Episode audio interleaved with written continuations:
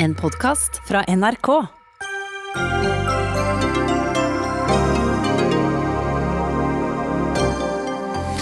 Doblingen av antallet influensavaksiner skaper strid. For mens fastlegene blir kompensert for jobben, så blir kommunenes helsesykepleiere det ikke. Artisten Moddi og ungdomsorganisasjonen Changemaker står sammen i kravet om større åpenhet om norsk våpeneksport. Større åpenhet? Det er nok åpenhet, svarer Høyre. Kapitals liste over Norges mektigste kvinner er både hvit og fri for etisk mangfold. Men har de blitt for opptatt av formell makt, spør Arbeiderpartiets Kamzy Gunaratnam. Hun syns ikke det er noe vanskelig å trekke frem gode kandidater med flerkulturell bakgrunn. Og lusekravet som skal hindre lusesmitte fra oppdrettslaks til villaks, kan være meningsløs, viser ny studie. Oppdrettslaksen har det verre, og villaksen ja, den ble smittet uansett.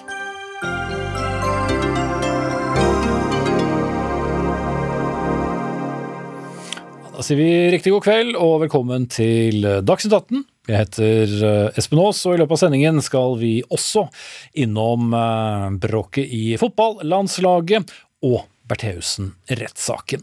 Men vi må nesten starte med smittesituasjonen i Norge. For smitten den øker. Hver person med koronavirus smitter minimum litt over en annen person, og smitten den øker nå også hos de eldre. Ja, ikke siden mai har det vært flere smittede på sykehus enn nå. Det er koronastatusen per 22. oktober. Og assisterende helsedirektør Espen Drostrup Nakstad med oss på linje. På pressekonferanse tidligere i dag så sa du at det er en betydelig risiko for at disse tallene kommer til å fortsette å stige. Hvorfor det? Det er fordi vi har sett nå at tallene har steget i Norge helt siden starten av august. Og den stigningen var først i de yngre aldersgruppene, altså da de unge voksne. Men så ser vi nå fra midten av september til midten av oktober at eh, det har for så vidt fortsatt å stige i alderen 20 til 40 år, eh, kanskje med en drøyt 10 men i aldersgruppene over det, de mellom 40 og 80, så har jo stigningen vært på langt over 50 Og det der uh, stanset rett og slett uh, linjen. Det er en av uh, gledene med å bruke video via telefoner. Vi skal se om vi får blåst liv i denne linjen som vi har til Espen Rostrup Nakstad igjen. Og hvis ikke vi får det innen veldig kort tid, så tror jeg vi må gå videre i sendingen. Hvis ikke så blir sittende her og fortelle anekdoter om eh, helt eh, andre ting. Men eh, vi har en relatert sak, fordi selv om vi om dagen snakker veldig mye om koronavirus, vel, så er det også annen influensa som vi er bekymret for. Og det er den vanlige influensaen. Vi er inne i influensasesongen den årlige influensaen. Landets helsemyndigheter vil som kjent at alle som er i risikogruppen for koronasmitte, også lar seg vaksinere for vanlig influensa for å unngå dobbeltsmitte. Hele 1,2 millioner doser er kjøpt inn, det er en dobling fra i fjor. Men helsesykepleiere i kommunene retter nå kritikk mot regjeringen fordi Fastlegene de får kompensert 150 kroner per vaksine fra staten, mens eh, helsesykepleierne i kommunene de får ikke kompensert en krone for denne ekstrainnsatsen. Og Ann Karin Svang, leder i landsgruppen for helsesykepleiere i Norsk Sykepleierforbund. Til Dagsavisen sier du at dette har skapt et voldsomt sinne. Hva er det denne reaksjonen går ut på? Eh, etter at det ble kjent i september at eh, leger gis refusjon for utgifter i forbindelse med sesonginfluensavaksineringa, så var det veldig mange helsesykepleiere som reagerte. Og vi begynte å lure på om helsemyndighetene vet at det er helsesykepleiere rundt omkring i kommunene som i stor grad gjør jobben i forhold til sesonginfluensavaksineringa. Og ikke fastlegene. Mm. Så er det både en prinsipiell forskjellsbehandling også, men at kompensasjonen går feil? Ja, nei, Vi unner fastlegene den kompensasjonen, men det vi undrer oss litt over, det er, er hvorfor, hvorfor, den store innsatsen som gjøres i kommunene av uh, vår tjeneste, ikke får kompensasjon på lik uh, linje som fastlegene. Uh, og, ja, Så det reagerer vi på. Mm. Da vil jeg raskt rette oppmerksomheten til deg, Maria Bjerke, for du er statssekretær i Helse- og omsorgsdepartementet fra, fra Høyre. Hva, hva var logikken her? Så det er ingen tvil om at eh, helsesykepleierne eh, ivaretar en viktig oppgave i kommunenes eh, vaksinering og vaksinearbeid. Helt sikkert, men forskjellen? Og jeg har veldig stor forståelse for den eh, krevende situasjonen som både helsesykepleiere og andre helsepersonell eh, i kommunene står i, og eh, kommer til å stå i en liten stund fremover. Det som har vært viktig for oss i år, det er å sette inn tiltak for å øke vaksinasjonsdekningen i hele befolkningen. For det å holde influensabølgen nede når vi har en samtidig pandemi, det er selvfølgelig viktig. Eh, for å begrense den totale sykdomsbyrden og også for å eh, avlaste de generelle helse- og omsorgstjenestene. Mm. La oss da komme til poenget. Derfor har vi i år gjort to ting. For det første har kommunene i år fått vaksinen gratis. Eh, den kostet tidligere 75 kroner. Så i år skal altså alle, selve vaksinen til, til, alle de som er i risikogruppen, den skal være gratis. For det andre så har vi gjort det billigere for risikogruppen å få vaksinen hos fastlegen. Tidligere så kunne det koste flere hundre kroner for den enkelte pasient å få, få den vaksinen hos fastlegen. Eh, nå skal de kun betale en egenandel på, på 50 kroner. Eh, og Har man frikort, så vil det være gratis. Okay. Og så er det jo ingenting i veien for at de pasientene som ønsker det, eh, kan bruke andre kommunale tjenester, f.eks. helsestasjonen. Og I de tilfellene så er det jo kommunene selv som setter prisen på vaksinen.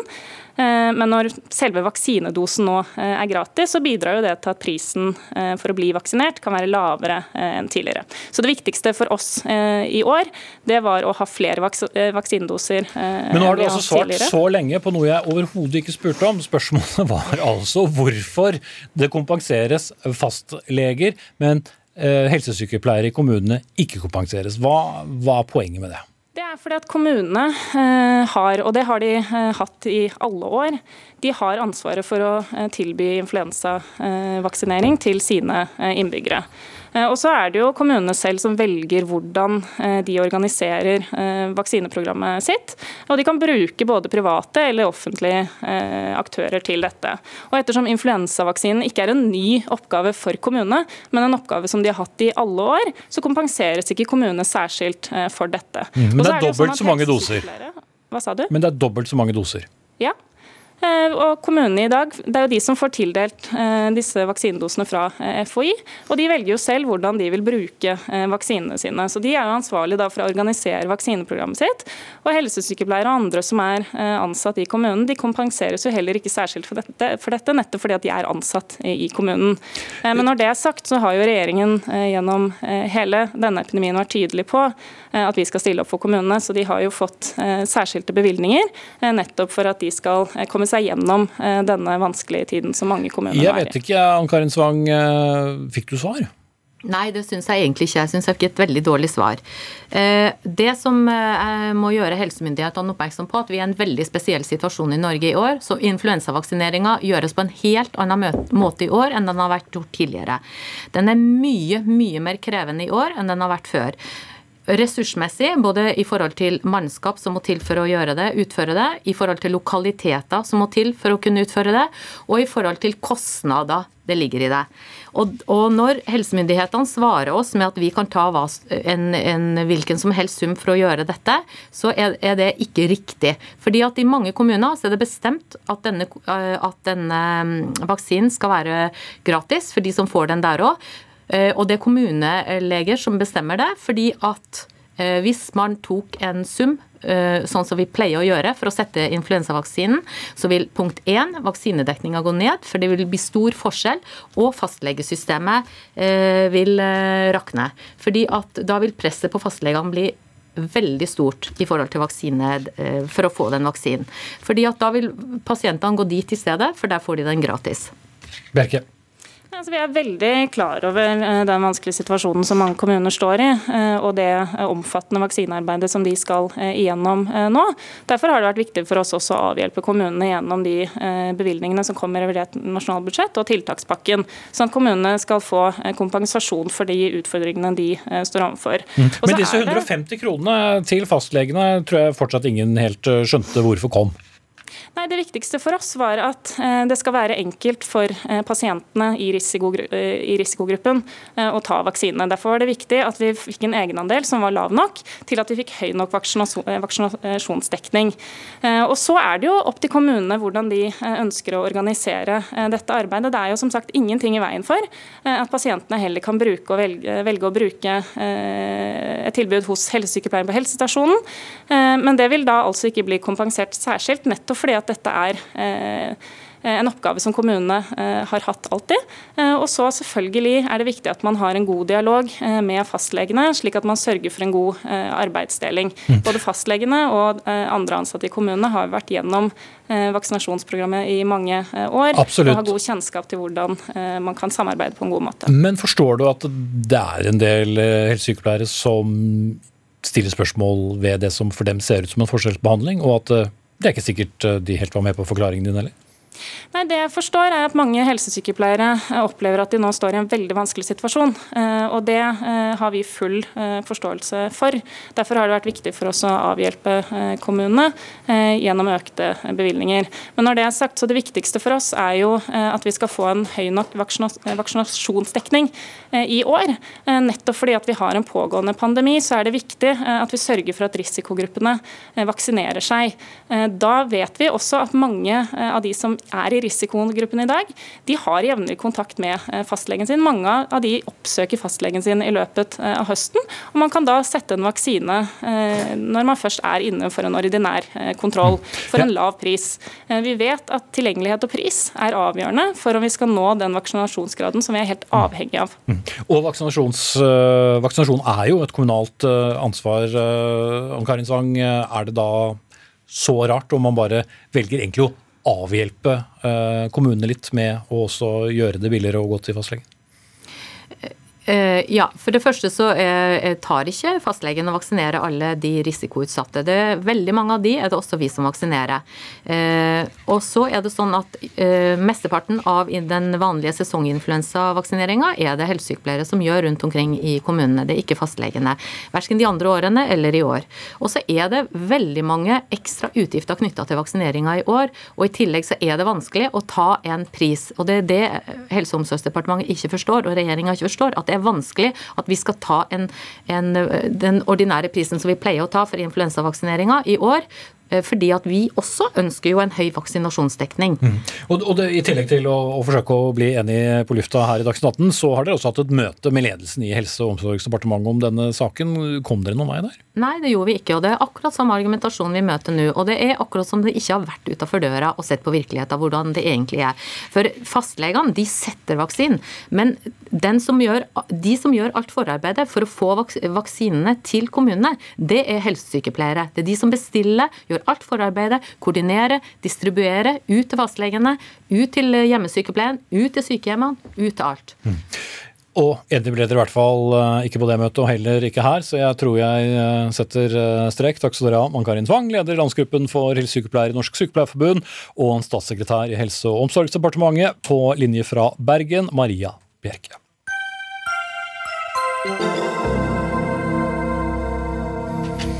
Og da får vi bare håpe at eh, linjen til Espen Rostrup Nakstad er eh, oppe igjen. Eh, og det var på vei til å spørre deg om, Nakstad, da alt gikk i frys tidligere i sendingen, var er det vi nå ser i smitteutviklingen også et bevis på at tiltakene som vi har satt i verk, ikke virker godt nok? Jeg kan i hvert fall si at eh, Det at vi fortsatt ligger lavest i Europa på smitte de siste ukene, tilsier at vi har god effekt av tiltak i Norge. Spørsmålet er om effekten er god nok til å opprettholde kontrollen over tid. Eh, klart Det som bekymrer oss nå, er jo at eh, det har vært en jevn økning i to måneder. Den er ikke veldig kraftig, men den har nå åpenbart medført et økt antall innlagte på sykehus. Og Sårbarheten er stor fordi man har mye kontakt med hverandre i Norge. Og det skal ikke veldig mye til har vi sett, før vi får ganske store lokale smitteutbrudd. Så vi er i en, en litt vanskelig situasjon i Norge akkurat nå. Mm. Men hjelper det da bare å fortsette å oppfordre folk til å opp følge smittevernsrådene, når åpenbart eh, for mange ikke gjør det?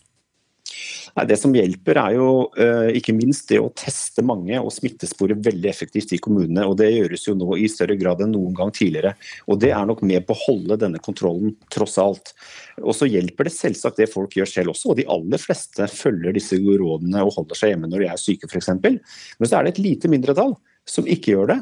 Og vi har sett at det er ganske få personer som står for veldig mye av smittespredningen i Norge. Så det vi jobber mye med nå, det er hvordan vi skal spisse innsatsen mot de miljøene hvor det er mye smitte. Og det er f.eks. unge personer, eh, unge voksne, som vi har sett står for en god del smitte fortsatt.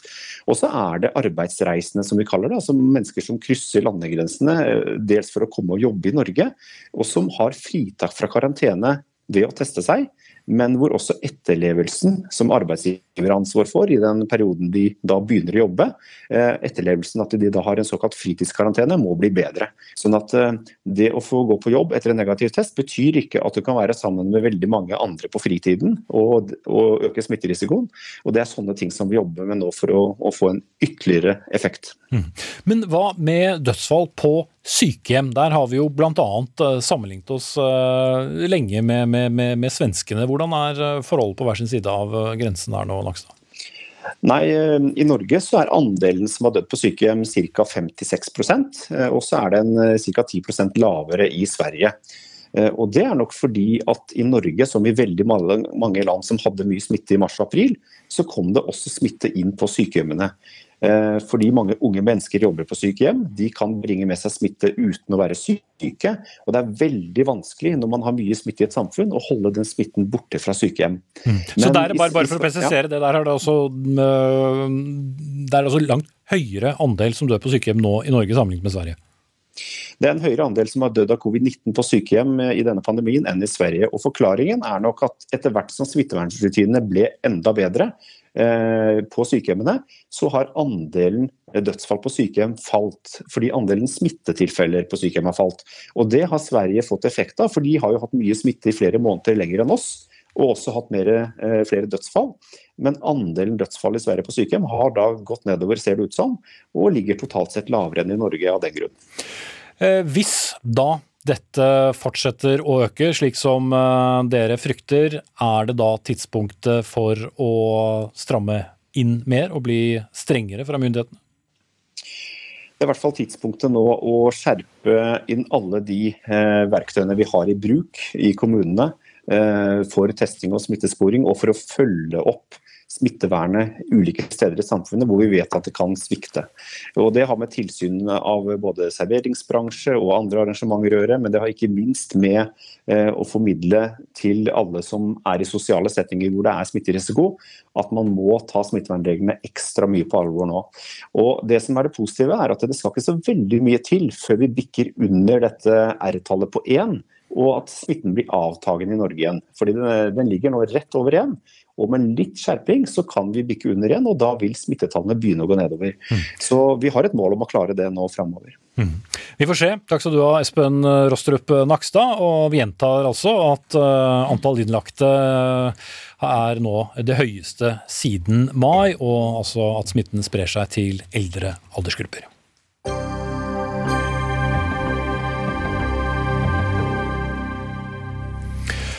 Ungdomsorganisasjonen Changemaker, som jobber med utviklingspolitikk, har i dag holdt en markering utenfor Stortinget med krav om større åpenhet rundt eh, norsk våpeneksport, som det heter. Det skjedde samtidig som Stortinget debatterte stortingsmelding nummer 25 om eksportkontroll og våpeneksport fra 2019.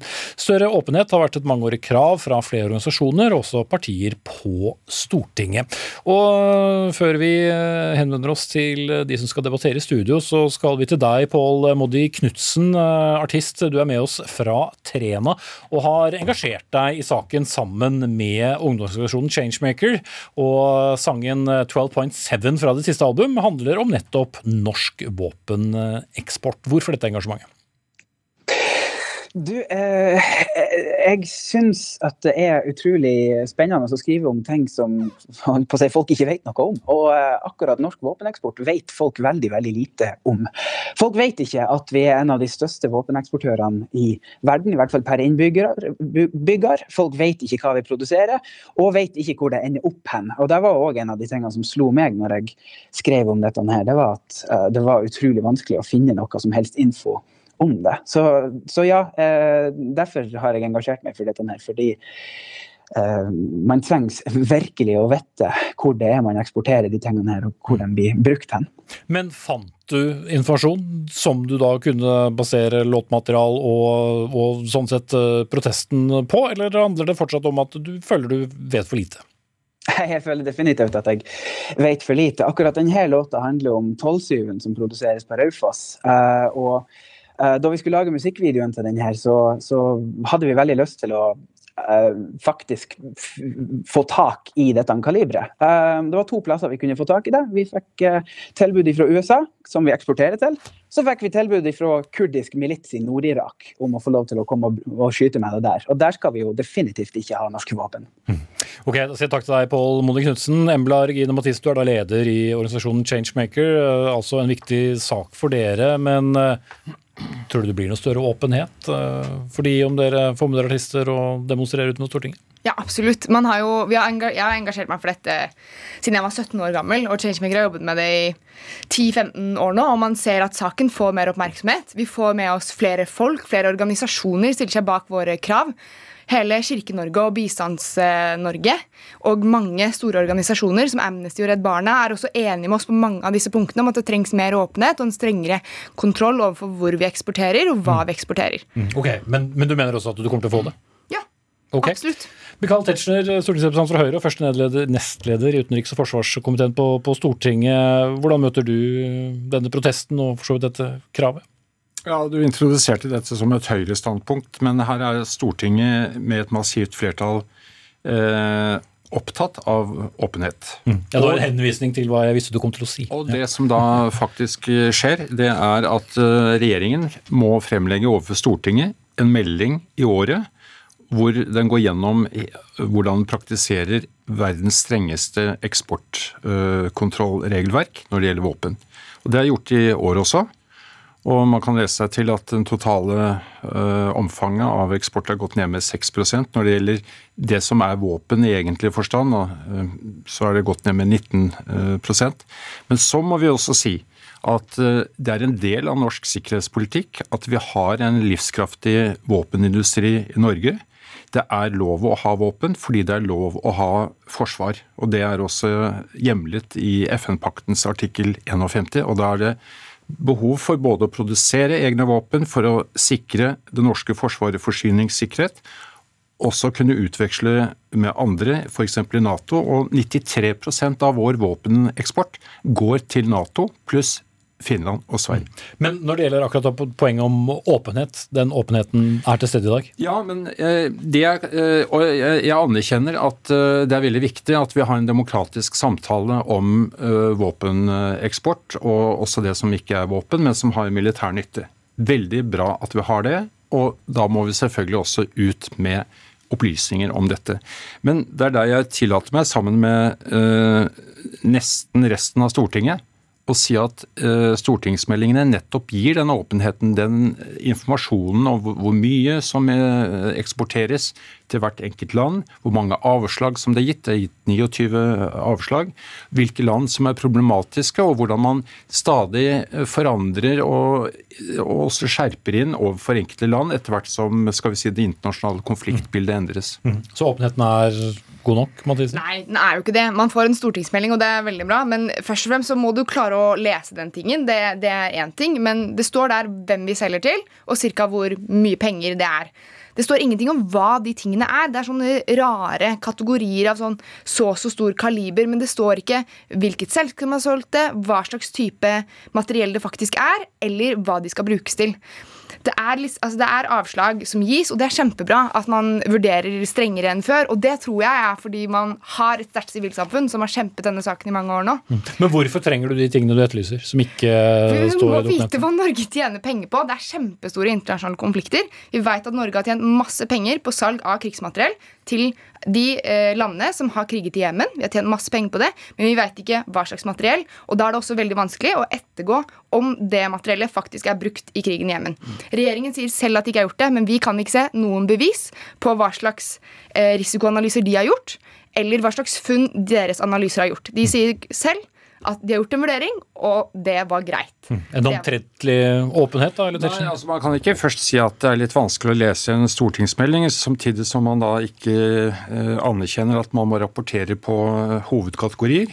Og jeg syns eh, det som står eh, på eh, denne vareoversikten i vedlegg 1, glattbordede våpen med kaliber mindre enn 20 mm, automatiske våpen med kaliber 12,7 mm osv. nedover, ammunisjon og tennmekanismer, bomber, torpedoer, raketter, ildledningsutstyr, kjøretøyer, komponenter okay, osv. Så, ja. så det er altså faktisk mulig å få seg et ganske godt bilde av hvilken Eh, hvilken eksport vi har. Og Da må jeg også si at eh, jeg har sett noen ganger at eh, changemaker velger å bruke ordet krigsmateriell, altså forsvarsmateriell, som ikke er våpen. Og jeg tror det er veldig viktig at vi har det primære øyet på våpen, og vi har ikke noen gang eksportert våpen f.eks. til Saudi-Arabia, som er en stor spiller i Jemen. Men det er komponenter som brukes i en krig som ja, f.eks. kikkertsikter, det kan være hjelmer, beskyttelsesutstyr eller komponenter ja, og, til, til stridsmateriell. Ja, og der er også sånn at de skjærer jo heller ikke klar av lisenskravet, men, de er i en annen kategori. Eh, som ikke er så følsomme akkurat når det gjelder slagmarkseffekter, og hvor eh, mulighetene for andre til å skaffe seg disse tingene andre steder er. Okay. Og så er det også det som kalles eh, flerbruksvarer, som er kategorien under dette. Alt dette er lisensbelagt, og vi er koblet til et internasjonalt godkjenningssystem. Siden 2003 så har det norske Eh, eksportregelverket. De, de, får avslagene fra EU, sånn som vi utveksler okay. Eh, informasjon om avslag, sånn som ingen slipper igjennom uten videre. Men jeg må slippe gjennom Mathisen. Ja, men det du sier det er helt riktig. Jeg veit alle disse tingene, jeg også. Men det som er greia, er at det her handler ikke bare om våpen. I moderne krigføring så handler det vel ikke egentlig bare om det er kula som treffer, eller om Norge har gitt det overvåkningssystemet, eller om vi har gitt sensoren. Vi er fortsatt med og tjener penger på militær overvåkning og forfølgelse av sivile og alt som skjer i autoritære regimer. Og det er sant som du sier, Akkurat i år så var 90 av salget vårt til nære allierte. For to år siden så var 40 til autoritære regimer. Det har ikke vært noen endringer i, i regelverket som skal tilsi en så stor endring, egentlig. Vi vet at vi har kjempestore innestående, innestående avtaler eh, med både Qatar og Oman, som er diktaturer. Og de kommer vi til å fortsette å tjene penger på. Det er uenighet på Stortinget i dag om hvordan man skal tolke regelverket i utgangspunktet, og det gjør det enda mer vanskelig. ikke sant? Og Det er derfor Changemaker og Redd Barna har gått i bresjen for at vi skal ha et offentlig utvalg som skal se på det og se er det egentlig bra nok det vi driver med. Og Her er vi bare uenige. Jeg mener det ikke er det, og du mener det er det. Og det er greit. Du syns det er greit at man tjener penger. Den norske statskassa tjener penger på autoritære regimer sin militære makt. Jeg syns ikke det. Men da må du si det, ikke si at regelverket er bra nok sånn som det er i dag. vi går jo ikke inn for at det heller blir eh, tekniske løsninger som eh, gjør overvåkingsstaten eh, mulig i andre land. Dette er også bakt inn i EUs åtte kriterier, som vi følger. Så da får det heller påvise at uh, saksbehandlerne har tatt feil av faktum. Okay. Og så må jeg bare si, det er ikke uenighet på Stortinget om tolkningen av dette. Re tilbakemeldingen fra regjeringens rapport i form av denne meldingen er nesten enstemmig positive. Mm. Jeg tror likevel at uh, vi får høre mer til Changemaker i denne saken senere også. Takk til Embla Regine Mathisen og Michael Tetzschner fra Høyre.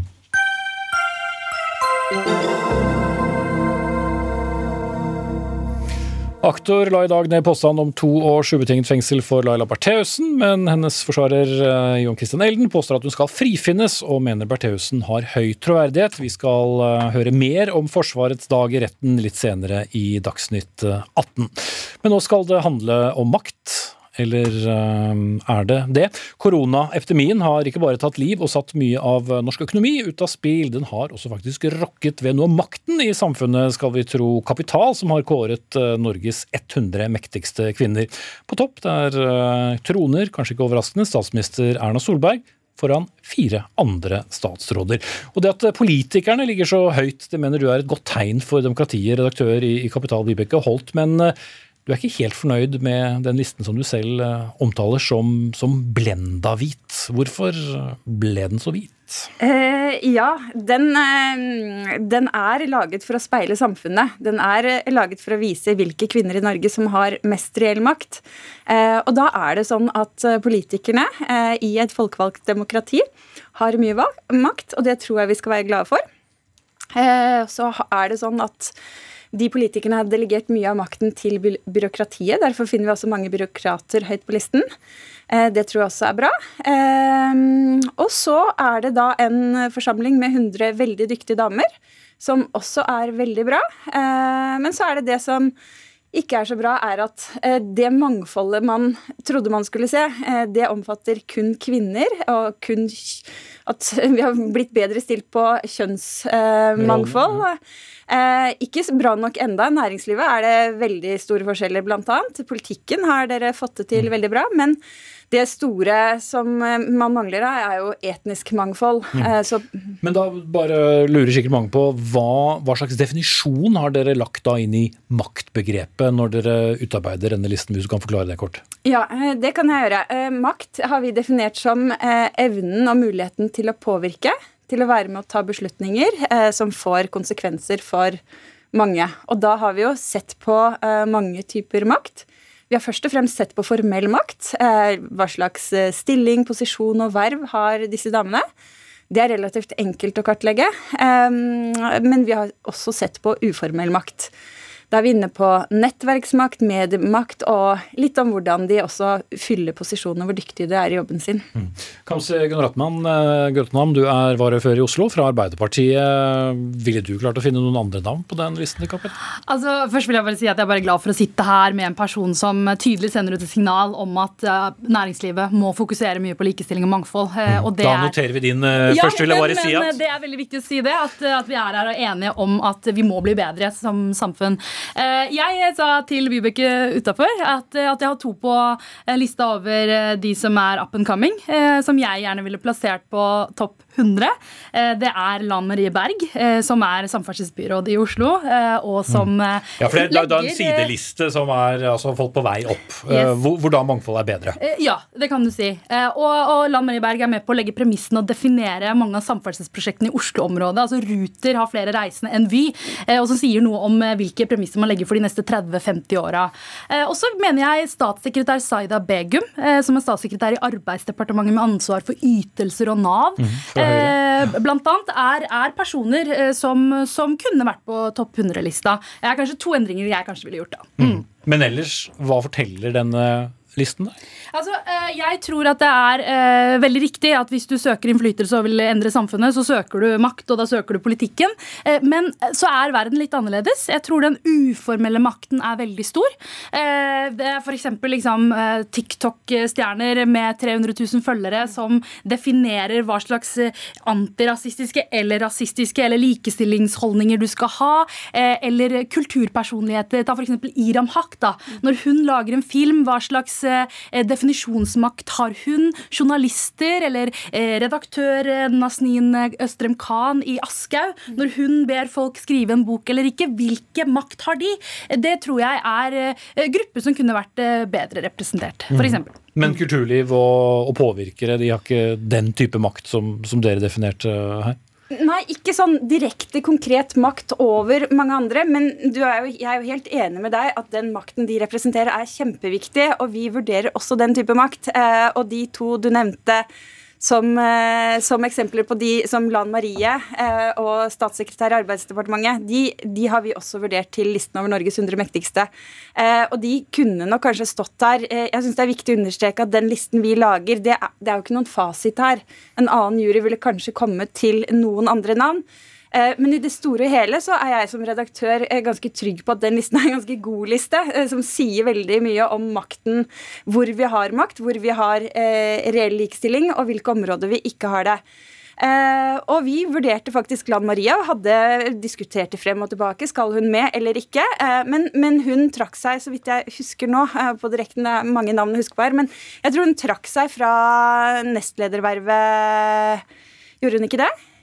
Det, det, vet jeg ikke, Nei, men jeg mener som samferdselsbyrå. da. Hun, ja, og, det, og, og, hun er et veldig godt eksempel, fordi hun er en kvinne som, gitt sin posisjon, også eh, bruker den og fyller den med mye makt. Hun, mm. hun, tør å ta kontroversielle avgjørelser, hun tør å ta store avgjørelser. Og det er også noe som ligger i det maktbegrepet og uformell makt. Hvordan du bruker makten. Mm. Men spørsmålet er jo da, speiler denne listen egentlig hvordan makten er? Er den gode historien i denne listen at det er mange mektige kvinner, hvis du ser på posisjonene innenfor politikk, embetsverk uh, osv.? Det har skjedd over tid, men at en, en liste da om 10 år, 20 år også vil se helt annerledes ut når det kommer til etnisk mangfold. Mm. Jeg, jeg, jeg, tror Vibeke har poenget i at det er, uh, dette er, det er ikke fasitsvar. fordi jeg tror folk lar seg inspirere og engasjere av ulike typer personligheter og maktpersoner uh, i vårt samfunn. Noen lar seg inspirere av Erna Solberg, andre lar seg inspirere av Beyoncé.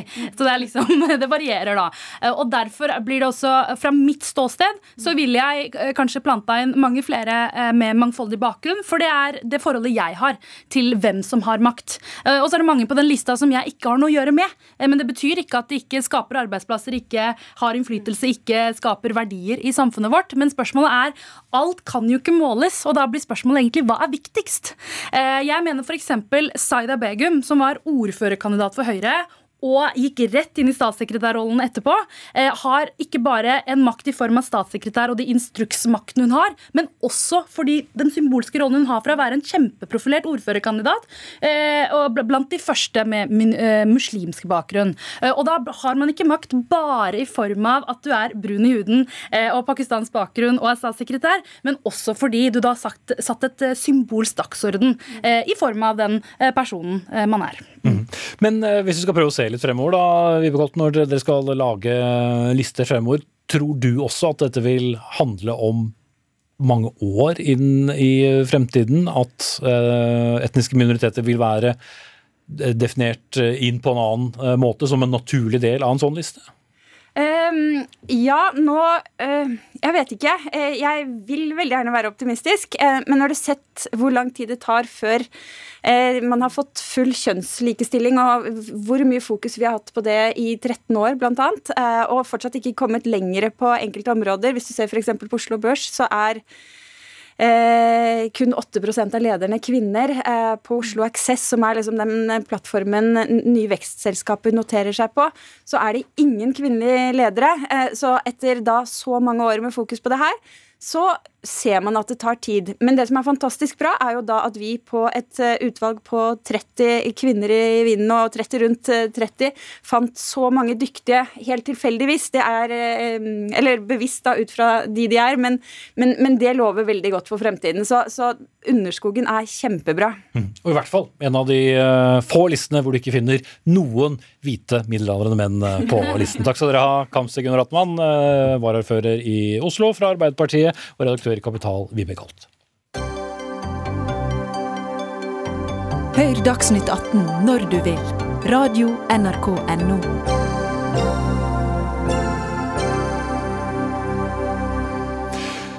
Mye medieoppmerksomhet er rettet til den pågående Bertheussen-rettssaken. Aktor Fredrik Ranke la i formiddag frem påstand, eller ned påstand som det heter, om ubetinget fengsel i to år for Laila Bertheussen.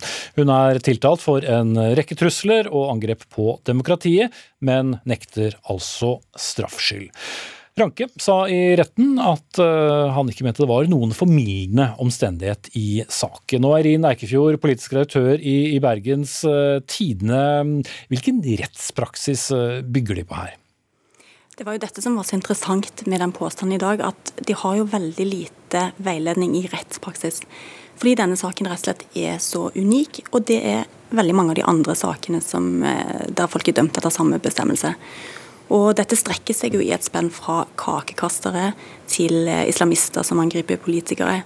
Og med straff fra da 45 dager til to år og seks måneder, som er det strengeste. Mm. Ja, Men, altså, da, da, snakker vi om angrep på demokratiet, for å være konkret på det. Angrep på demokratiet som er den strengeste bestemmelsen hun er tiltalt for. Eh, men det var i hvert fall å forvente at påstanden skulle ligge i det øvre sjiktet, altså streng, nærmere to år og seks måneder enn 45 dager, for å si det sånn. Mm. Eh, du beskrev også denne dagen som eh, en dårlig dag for paret Wara og Bertheussen, altså samboer, tidligere justisminister Tor Mikkel Wara. Hvordan da? Ingen av de kommer jo særlig godt ut av de karakteristikkene som blir lagt fram fra aktoratet. Og Du nevnte at det ikke var noen formildende omstendigheter. Til gjengjeld er det jo veldig mange skjerpende. Og mange av de går jo rett og slett på Bertheussen som person, hennes hensynsløse atferd, vonde vilje, hun skal være utspekulert, hun driver et korstog. Eh, de påstår også at hun driver en form for fysisk, nei, psykisk vold mot eh, sin egen samboer, altså Tor Mikkel Wara.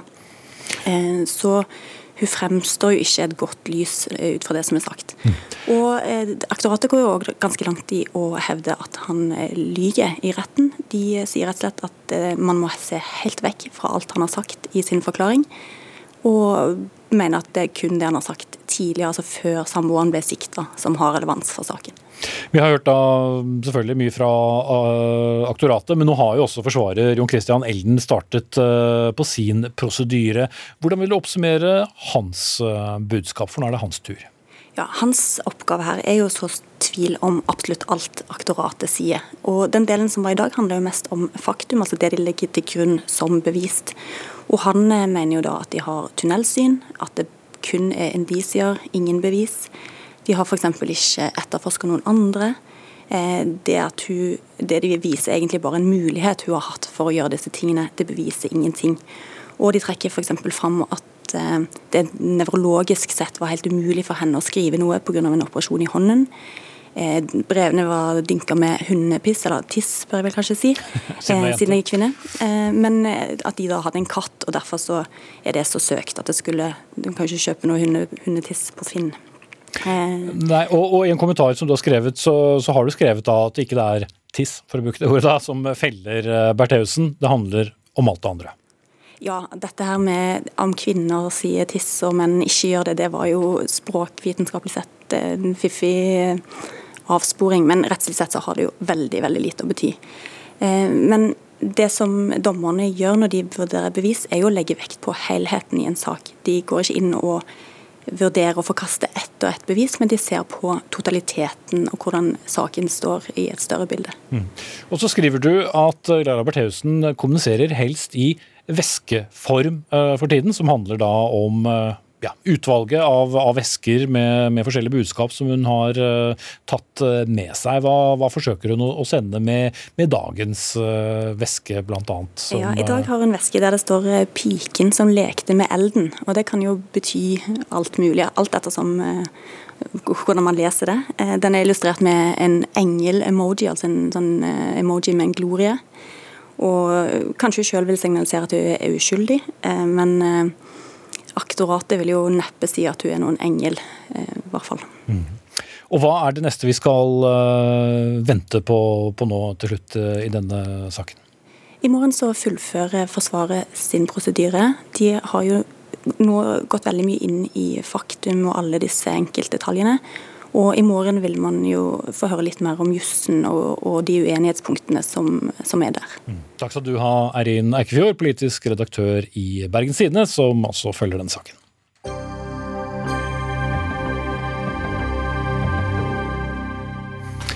En eh, ny studie viser at lusekravet, altså grensen på hvor mye lus det kan være per fisk i oppdrettsanleggene, som oppdretterne må opprettholde, ikke har noen miljøeffekt. Villaksen blir likevel eh, smittet, og det blir dårligere fiskevelferd og også økt dødelighet i merdene. Og Seniorforsker ved Fridtjof Nansens eh, institutt, Irja Bormedal, du står bak et innlegg i, i Dagens Næringsliv om ditt eget studie. Hva har dere sett på, og hvordan har dere kommet frem til denne konklusjonen? Mm.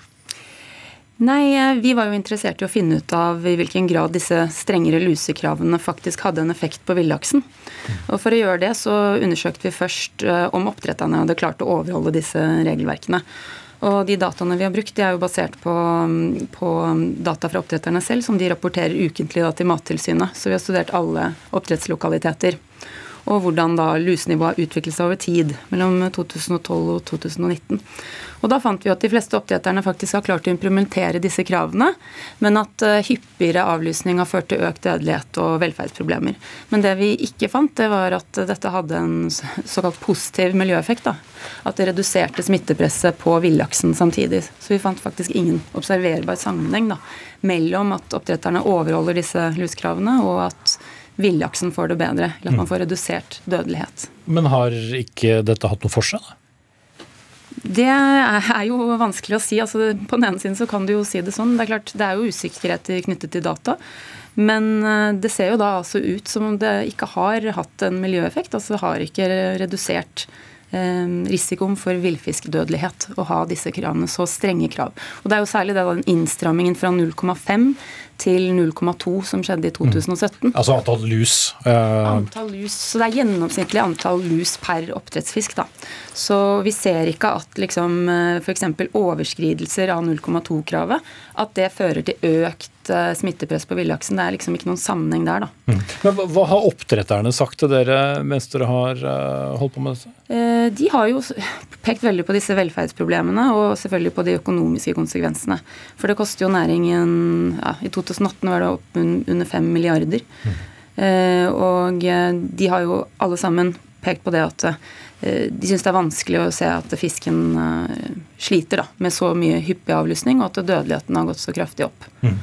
Fiskeri- og sjømatminister Oddemir Lengebrisen fra, fra Høyre, hva skal man da med dette lusekravet? Jeg er en ganske nysgjerrig person, da, så jeg syns det er veldig spennende med både forskning og eh, nye resultater. Så baserer vi jo hele hele den næringa på eh, vitenskap, kunnskap. Og, eh, og, så er det jo sånn at eh, også trafikklyssystemet kan utvikles videre. Så jeg syns det her er veldig spennende i den konteksten. Ja, Som handler da om miljøpåvirkningen. på, og Det er da nivåene selvfølgelig grønn, gul og rød, siden det er mm. trafikklys. Men mm. så kommer den innstrammingen da som, som Vormedal snakker om. og altså Det var før din tid, for så vidt, da, men altså, hva var poenget med denne innstrammingen fra, fra 0,5 eh, lus per uh, fisk til 0,2? Det virker ikke som det har hatt noe å si? Ja, så Kortversjonen er jo at eh, det, sånn, det var vel et enstemmig storting som vedtok trafikklyssystemet, og det var en sånn fundament for at havbruksnæringa skulle få til videre vekst. Og så tror jeg jo hvis man skal få til Og det her er veldig viktig matproduksjon. Oppdrettslaks er veldig sunt og godt og klimavennlig å spise. Det bør vi gjøre mer av over hele verden. Så verden eh, trenger mer av et sånn type men, mat. Men avlusingssystemene er dyre, det dør fisk, mm. Eh, og likevel så uh, smittes det over på, på, på, på villaks. Ja, jeg tenker som så at uh, også trafikklyssystemet må videreutvikles. og Vi har jo i bestilling en evaluering av trafikklyssystemet nettopp for å kan utvikle det videre og forbedre det. Og det er veldig viktig. Kundene, bl.a. markedet, krever jo uh, mer dokumentasjon, er opptatt av miljø og bærekraft. Det opplever også at næringa sjøl er. Så all forskning og kunnskap er kjempeviktig for å være med og videreutvikle det her. Men hvis du kan svare veldig kort på det, kan denne rapporten som, som nå har kommet fra, fra Vormedal med flere endre radikalt hvordan vi forholder oss til eh, lakselus i norsk oppdrettsnæring? Det er jo et innspill i eh, den evalueringa som foregår nå, som er bestilt eh, til ekspertgrupper ekspertgruppe i regi av Forskningsrådet. Så det vil helt klart være et innspill i den evalueringa. Mm. Silje Ask Lundberg, leder av Naturvernforbundet. Du kaller denne artikkelen som Iri Vormedal har, har, skrevet for dramatisk. Hvordan er den dramatisk? Ja, den er jo det, for det viser jo at vi ikke lykkes. Altså, ikke sant? Og så kan man si at eh, er det egentlig så oppsiktsvekkende? Er det, er det så nytt? Og det For noen er det kanskje, men, så, men den er jo den slår så tydelig, eller kommer så tydelig fram da, at her har du fortsatt en altså, Det går ikke bedre med villaksen, selv om man har hatt de her grenseverdiene. Og det vitner om at man ikke man har ikke gått langt nok, og man har ikke tatt ordentlig inn over seg de biologiske utfordringene som denne næringa fører med seg. Og da er det, I dag så har man det som dere var inne på, dette trafikklyssystemet. Men det er jo ikke en, en det er ikke en overordna sånn biologisk kartlegging eller vurdering av hvordan økologisk påvirkning den næringa har på fjordsystemene. Den, den eh, trafikklyssystemet den ser på én indikator, lakselus, på én art, villaksen. Mens næringa i seg sjøl har jo langt flere også biologiske utfordringer enn bare den lakselusa. Sånn at det og man må da, gjøre drar den rapporten da inn i det store bildet? ja, ja, og det er jo noe av problemet som man har drevet med veldig lang tid, veldig mange år i Norge, i, i denne debatten. Så man driver veldig med sånn symptombehandling. Sånn at eh, vi ser at vi har et problem. Oi, ok, da må vi fikse det her. Åssen åssen- Og så fikk vi kanskje et nytt problem av det. Altså, for, du, det kan man se på måten man har behandla lakselusa på. Man brukte hydrogenperoksid en periode. Oi, det så man at det døde kanskje litt reker av. Det var jo dumt. Da begynte man med, med, eller da begynte man med lakse, eh, altså med fisk, som, som spiste spiste opp den. lakselusen, ja. ja. Men også har man problemer med all den oppdrett av fisken, den ja. igjen. ikke sant? Sånn at det er det at her går, Du får en sånn kaskade av Men, mye. men hva bør bli konsekvensen av eh, disse funnene til, eh, til eh, Vormdal? at regjeringa på alvor går inn for å satse på lukka anlegg. For det er den eneste virkelige kuren som får du en bukt med samtlige av de miljøutfordringene som vi ser i næringa i dag. Men kommer det til å skje, Ingebrigtsen? Eh, jeg tror det absolutt går i den retninga. Eh, er flere kommuner har jo også Ja. sagt at eh, det er den eneste måten de kan godta dette på sikt, pga. Av, ja. av forurensning. annet. det, det er også flere utfordringer. Den ene er at verden trenger mye sunn mat. Og skal vi få til videre økt matproduksjon av norsk oppdrettslaks, så må vi også løse noen bærekrafts- og miljøutfordringer. Og areal er et ut av de, så jeg tror det går i den retninga. Men det går også i den retninga at vi får offshore havbruk langt til havs. Og så er det jo mye landbasert også på gang. Så det, hele eh, tida er det en kontinuerlig utvikling, og næringa sjøl opplever er veldig interessert i å finne løsninger på dødelighet, på rømming og de tingene der. Og det er mye strenge regler som skal følges opp. og eh, jeg opplever at man har en ens holdning til at eh, her skal man finne løsninger på de eh, bærekraftsutfordringene som vi eh, har. Men, men, du, men sier du nå, i det du nettopp sa, at det, det vil gå i retning eh, av mer lukkede anlegg, og at det vil være en politikk eh, du og regjeringen eh, står bak? Jeg ser jo at næringa sjøl går eh, mye i den retninga. Det foregår jo allerede en del eh, sånn type utvikling, og det er veldig spennende å se hva som eh, kommer ut av det. Selv om der, eh, heller ikke der er alle utfordringer løst med slamoppsamling og lus. Eh, Altså du, du får du mindre lus, f.eks. i lukka anlegg, det får du jo null lus, så eh, utsetter jo ikke laksen for eh, Du får redusert dødelighet, bl.a. Så det er veldig interessante perspektiver der. Men uh, helt musikk i dine ører er det kanskje ikke, Altså Lunde? det her At, eh, at regjeringa er så positiv til lokalanlegg, det syns jeg jo er nydelig. Hvis så stemmer, så er nok ikke Du så nesten overrasket ut. Ja, altså Jeg er nok ikke helt enig i at på en måte næringa, og, og for så vidt også fra at man fra politisk hold har vært så fremoverlent på denne ideen. Fordi at man har en, hadde en veldig sånn Man har satt seg veldig i baksetet, og så har man vært kjemperedd fordi at hvis denne teknologien blir utvikla, da har man frykta for at da skal, da skal Norge sitt konkurransefortrinn forsvinner, som er havet vårt, som er fjordene våre. Men vi må skjønne at hvis vi faktisk mener at vi skal være en oppdrettsnasjon også i framtida, så må den bli bærekraftig. Og det er den ikke i dagens former, så man må få den lukka. Og hvis regjeringa på alvor har tenkt til å faktisk også bli med og stille noen krav til næringa, sånn at man kan ikke bare si det her må dere bare fikse sjøl. For se hvor vi er. Vi har så mange problemer. Så her må det bein tøffe krav til, og det håper jeg og Emil, vil, vil fikse. Mm. Setter strek der, for nå var dere så rørende enige at jeg tør ikke høre dere si noe annet nå, for da blir det ikke ferdig. Takk til Silje Ask Lundberg, leder av Naturvernforbundet, Irja Vormedal, som er forsker, og Emil Ingebrigtsen, fiskeriminister.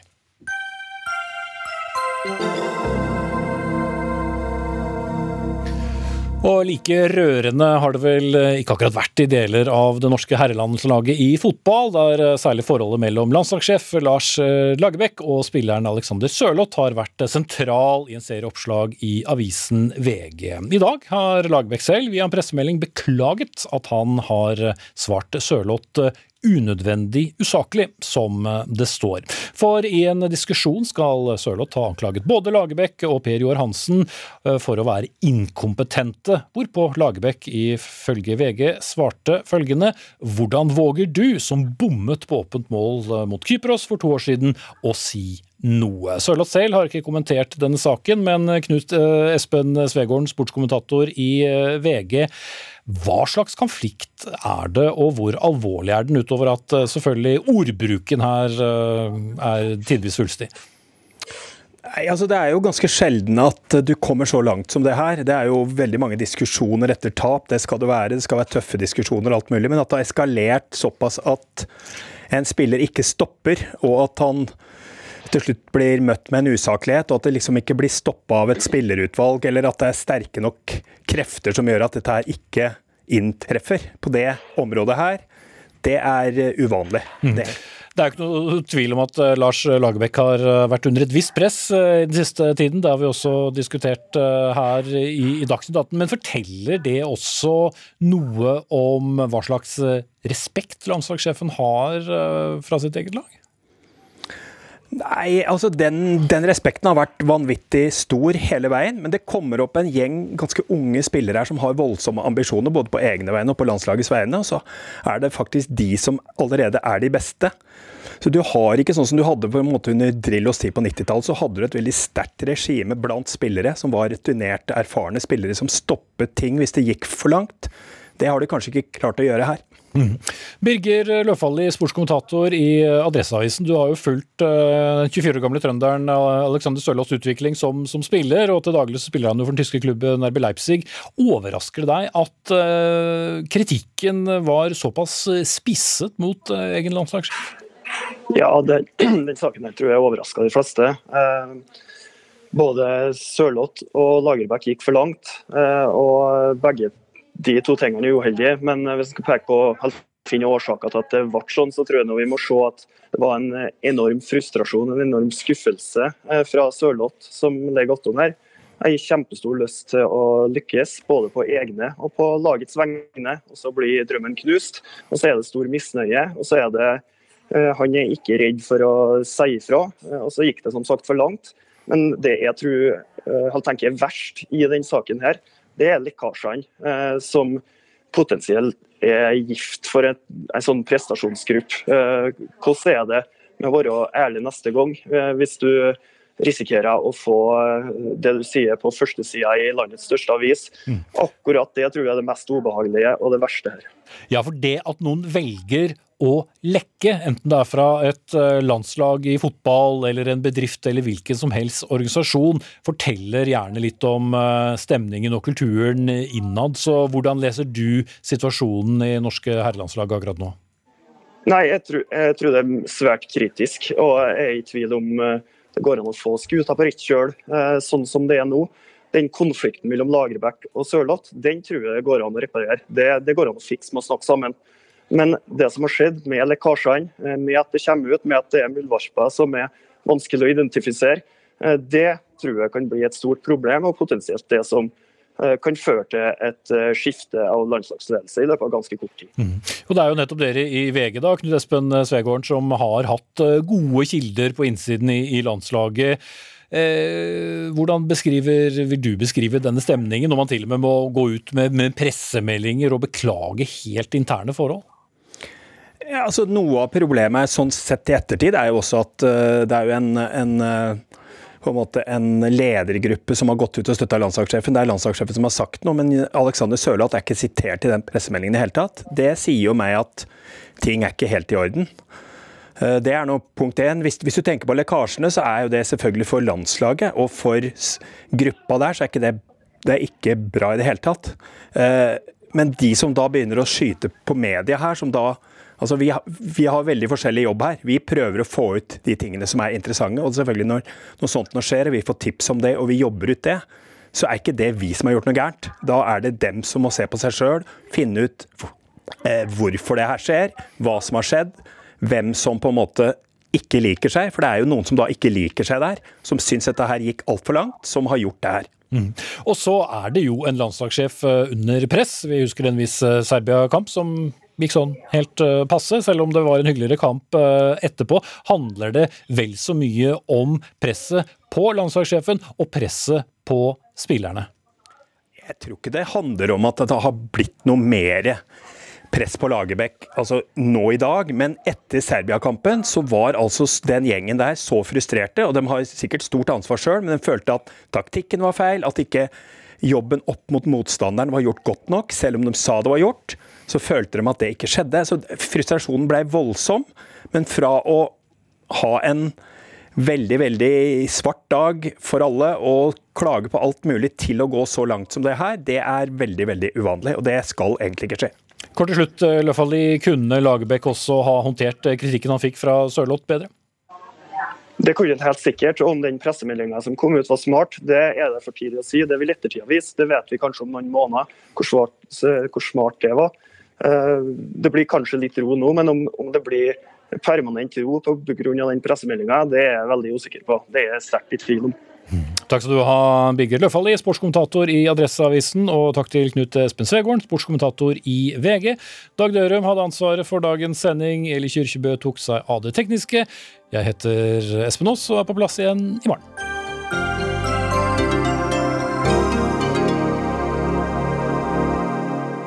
Du har hørt en podkast fra NRK. Hør flere podkaster og din NRK-kanal i appen NRK Radio.